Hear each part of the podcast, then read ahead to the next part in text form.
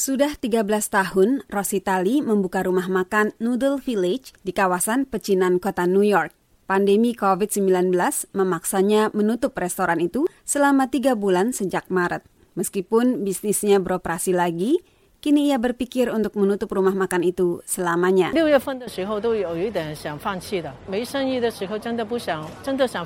Juni lalu saat baru saja beroperasi kembali, saya benar-benar berpikir untuk menutup restoran saya. Sangat sulit. Menurut Wellington Chen dari Chinatown Business Improvement District, hanya 100 dari sekitar 300 restoran di Chinatown, New York City yang sekarang beroperasi.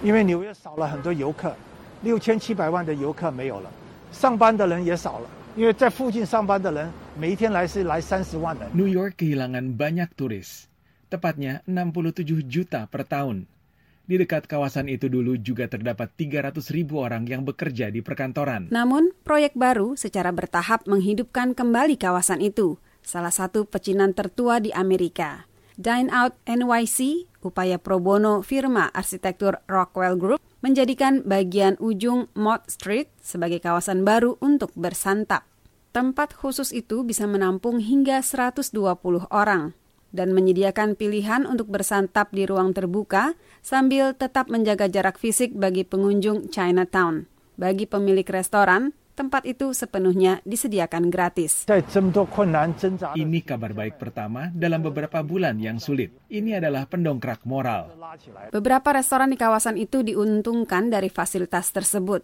Pengunjung mulai berdatangan. Jan Lim yang Juni lalu membuka toko Pink Lady Cheese Tart mengatakan keberadaan tempat santap itu menuai bisnis yang lumayan. This is like a food court. After this, I think there's a lot of people walking around. Ini seperti pujasera terbuka. Setelah ada tempat ini, banyak orang datang dan mereka membeli beberapa tart keju setelah makan. Situasi itu belum sepenuhnya melegakan Rositali. Pandemi yang belum juga lenyap membuat restorannya yang bisa menampung hingga 50 orang kini hanya bisa melayani 18 orang.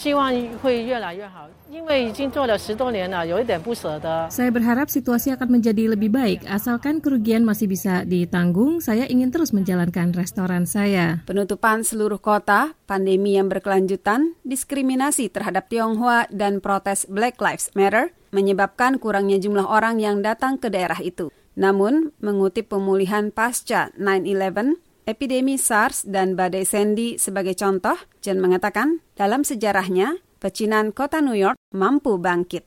Karlina Amkes, VOA, Washington.